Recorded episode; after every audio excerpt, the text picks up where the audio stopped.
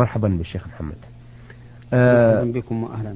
هذه رسالة وردتنا من عادل محمد آه فهد من العراق الناصرية. يقول في رسالته ما معنى قوله تعالى والذين يرمون المحصنات ثم لم يأتوا بأربعة شهداء فاجلدوهم ثمانين جلدة ولا تقبلوا لهم شهادة أبدا وأولئك هم الفاسقون. الحمد لله رب العالمين والصلاة والسلام على نبينا محمد وعلى آله وأصحابه أجمعين. سؤال هذا الرجل من أجود الأسئلة وأحبها إلي وذلك أنه سؤال عن تفسير آية من كلام الله سبحانه وتعالى. نعم.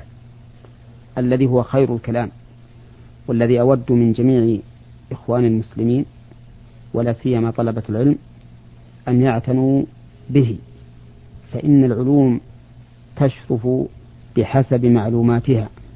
ولا شك أن أفضل المعلومات وأشرفها هو العلم بكتاب الله سبحانه وتعالى. فأدعو جميع المسلمين ولا سيما طلبة ولا سيما طلبة العلم إلى أن يتفهموا كلام الله سبحانه وتعالى حتى يستطيعوا تنفيذه والعمل به. فإن النبي صلى الله عليه وسلم يقول خيركم من تعلم القرآن وعلمه. أما الآية التي سأل عنها فإن الله تبارك وتعالى يأمر أن نجلد الذين يرمون المحصنات ومعنى يرمونهن أي يقذفونهن بالزنا فيقولون هذه المرأة زانية وما أشبه ذلك والمحصنة هي المرأة الحرة العفيفة عن الزنا. فإذا قذفها الإنسان بالزنا فإنه يكون بذلك مدنسا لعرضها مفتريا عليها وحينئذ يجلد ثمانين جلدة. نعم. وإنما قلت مفتريا عليها مع أنه قد يكون صادقا لأنه إذا لم يأتي بأربعة شهداء فهو كاذب عند الله. كما قال الله تعالى هل جاءوا عليه بأربعة شهداء؟ فإن لم يأتوا بشهداء فأولئك عند الله هم الكاذبون. وفي هذه الآية الكريمة التي سأل عنها الأخ رتب الله تبارك وتعالى على القذف ثلاثة أمور. نعم.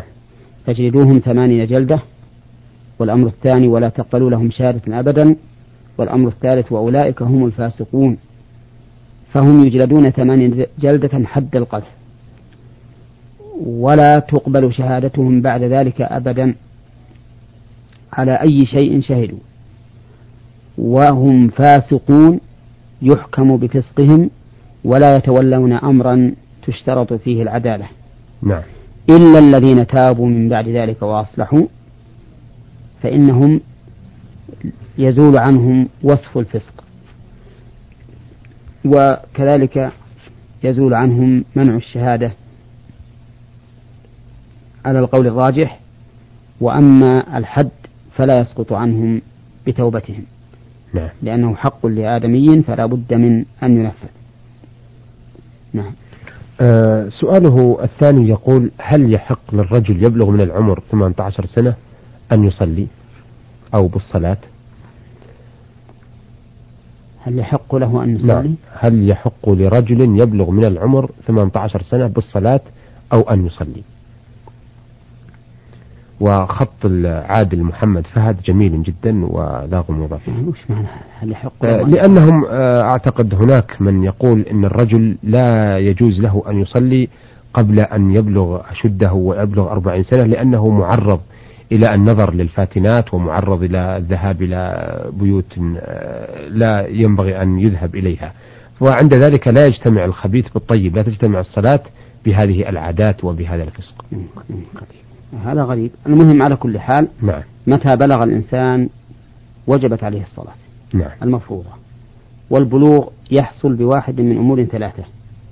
إما بأن يتم له خمس عشرة سنة أو تنبت عانته أو ينزل المني باحتلام أو يقظة.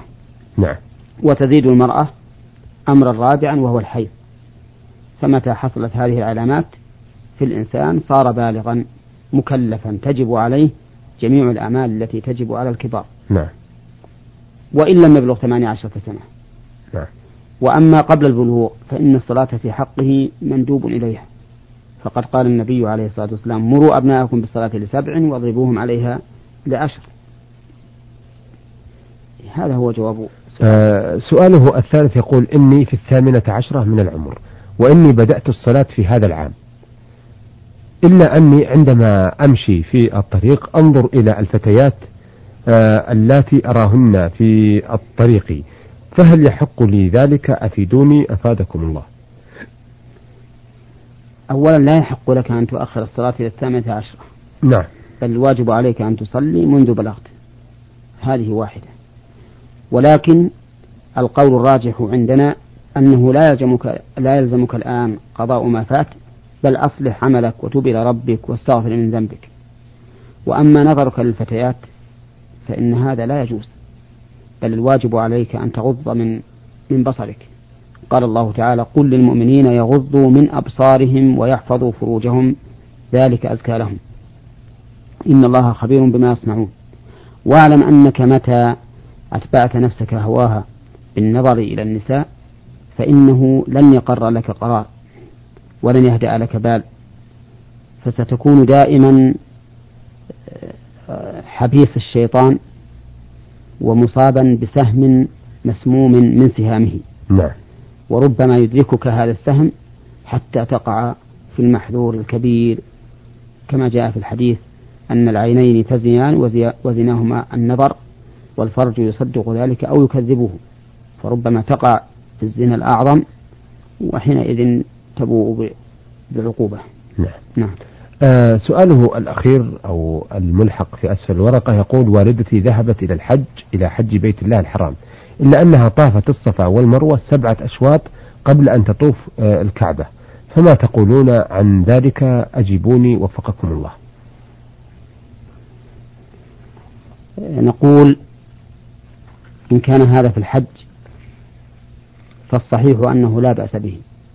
كما لو نزلت يوم العيد فطافت لطواف الإفاضة وسعي الحج فسعت قبل أن تطوف فإنه لا حرج عليها في ذلك لأن النبي صلى الله عليه وسلم سأله رجل فقال سعيت قبل أن أطوف فقال لا حرج.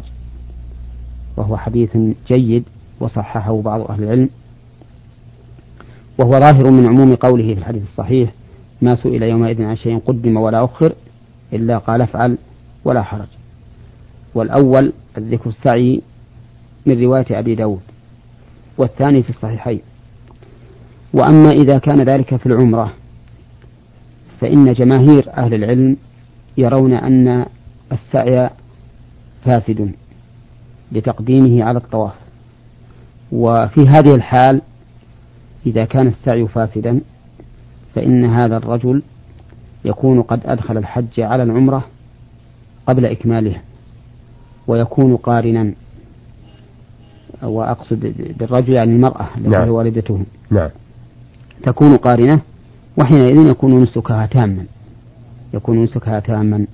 ويرى بعض أهل العلم وهم قلة أن تقديم السعي على الطواف حتى في العمرة إذا كان عن جهل فإنه لا يضر. فعلى كل حال والدتك حجها صحيح وعمرتها تامة. سواء كانت متمتعة أم قارنة ولا شيء عليها آه لكن آه كيف تنتقل من التمتع إلى القران؟ ربما تحل مثلا بين آه لا, لا يمنع ما دام النسك باقيا لأن من خصائص الحج والعمرة أن النية لا تؤثر فيهما بمعنى أن الإنسان لو نوى الخروج ونسكه باقي ما ما يخرج من ذلك. يعني لو تحلل نعم.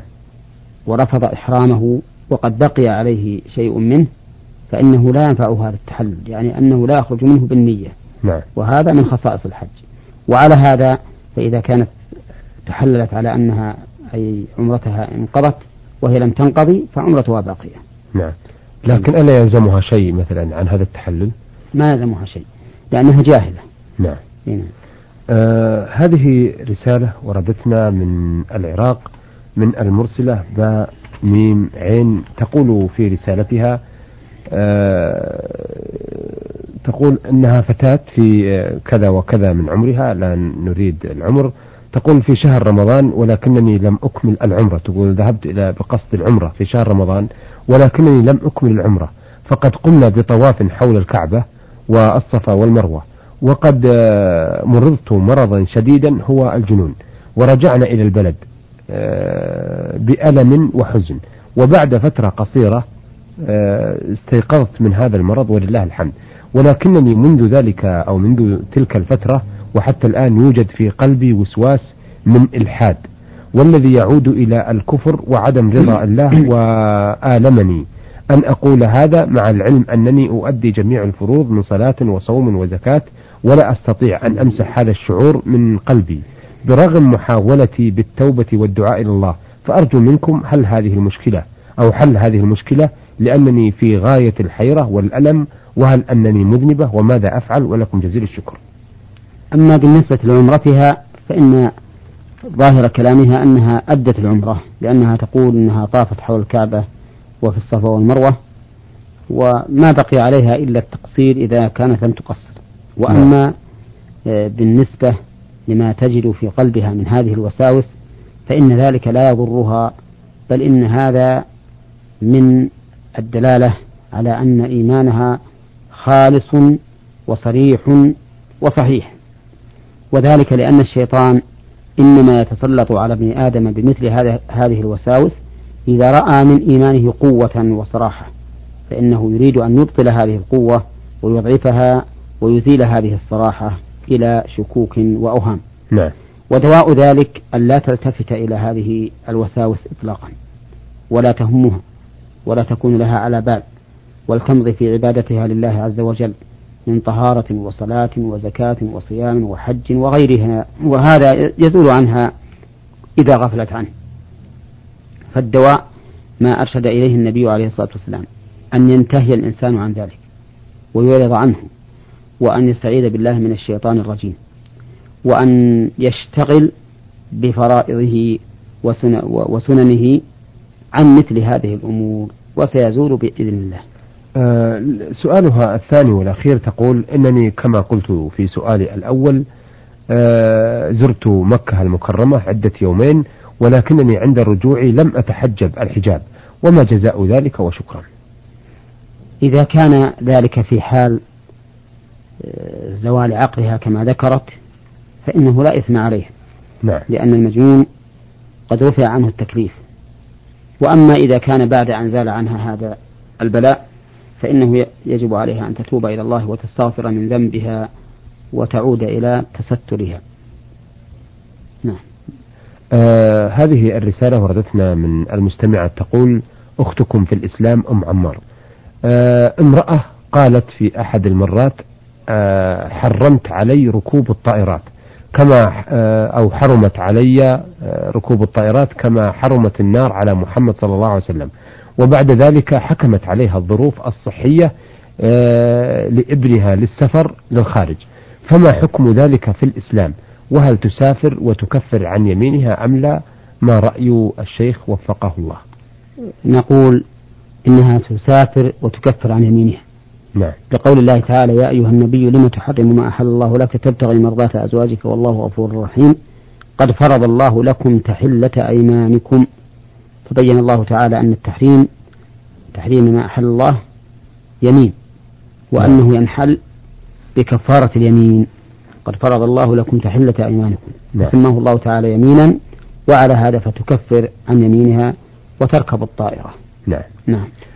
سؤالها الآخر تقول منذ سنوات أو منذ عدة سنوات رزقني الله بطفل, بطفل وبعد ولادته امتنعت عن رضاعته وأخذت من أجل ذلك أدوية لا لشيء إنما للحياة آنذاك في نفسي. وبعد ذلك ندمت آه، أشد الندم وكل ما مر علي ذلك الموقف أتألم أشد الألم. وإنني نادمة على ذلك. أرجو من الشيخ أن يشرح لي عملي هذا ووفقه الله. نقول ما دامت أن المرأة هذه قد أحست بما فعلت وندمت عليه فإن الله سبحانه وتعالى يعفو عنها ما حصل منها. نعم. وليس في ذلك شيء عليها بعد أن ندمت وتابت واستغفرت من ذنبها. آه هذه الرسالة يقول آه الاسم آه أخوكم التائب إلى وجه الله تعالى من جمهورية من آه، العراقية من محافظة بغداد. يقول إنني قمت بأعمال غير مرضية لله ولا ولا لرسوله صلى الله عليه وسلم. والآن هداني الرحمن الرحيم بعدما كنت في ضلال مبين. وأنا أشكر الله دائما على هذه النعمة الكبيرة التي أنعمها علي. وعلما أنني قمت أصلي الصلاة المفروضة علينا نحن المسلمين وقرأت القرآن وختمته ثلاث مرات. ويقول لساني أيضا قد تغير والله يهدي من يشاء. وأنا دائما أطلب من الله سبحانه وتعالى أن يتوب علي ويغفر لي. أرجو من علماء المسلمين أن يفيدوني ولهم جزيل الشكر عن هذه التوبة وعن مدى المغفرة. هل تقبل توبتي وتغفر ذنوبي؟ وما مصيري؟ وشكرا لكم. نقول إذا تاب الإنسان إلى ربه من ذنبه توبة نصوحا. غفر الله له ذنبه مهما كان. لقول الله تعالى قل يا عبادي الذين أسرفوا على أنفسهم لا تقنطوا من رحمة الله إن الله يغفر الذنوب جميعا إنه هو الغفور الرحيم. والتوبة الصادقة النصوح هي التي جمعت خمسة شروط. الأول أن تكون خالصة لله سبحانه وتعالى. والثاني أن تكون في الوقت الذي تقبل به التوبة وهو ما كان قبل الموت وقبل خروج خروج الشمس من مغربها. والثالث أن يندم على ما فعل من ما وقع منه والرابع أن ينزع عنه والخامس أن يعزم على أن لا يعود في المستقبل. نعم. فإذا تمت هذه الشروط فإن التوبة تكون توبة نصوحا والله تبارك وتعالى يحب التوابين ويحب المتطهرين. نعم. نعم. آه هذه الرسالة وردتنا من مكة من الخنسة تقول والخنسة طبعا حارة في مكة المكرمة تقول ميم أو يقول مرسلها ميم باشين آه إني حصلت على ثوب شخص في بيته وأخذت منه فلوس عدة مرات كثيرة ولا أدري. والله ما عدد هذه الفلوس الذي أخذتها ويوم كبرت تبت إلى الله وسمعت حديث يشدد آه، في من أخذ مثل هذه النقود. أفيدونا والله يحفظكم ويرعاكم. الواجب عليك أن تتوب إلى الله سبحانه وتعالى مما فعلت وأن تتصل بصاحب هذه النقود وتصطلح معه على ما تتفقان عليه مما تدفعه له آه، عما أخذت. فأنت ابحث عن الرجل هذا واتفق معه على أي شيء تتفقان قليلا كان أم كثيرا. يحصل به المقصود وبراءة الذمة. نعم. أثابكم الله. أيها السادة إلى هنا نأتي إلى نهاية لقائنا هذا الذي عرضنا فيه رسائل السادة.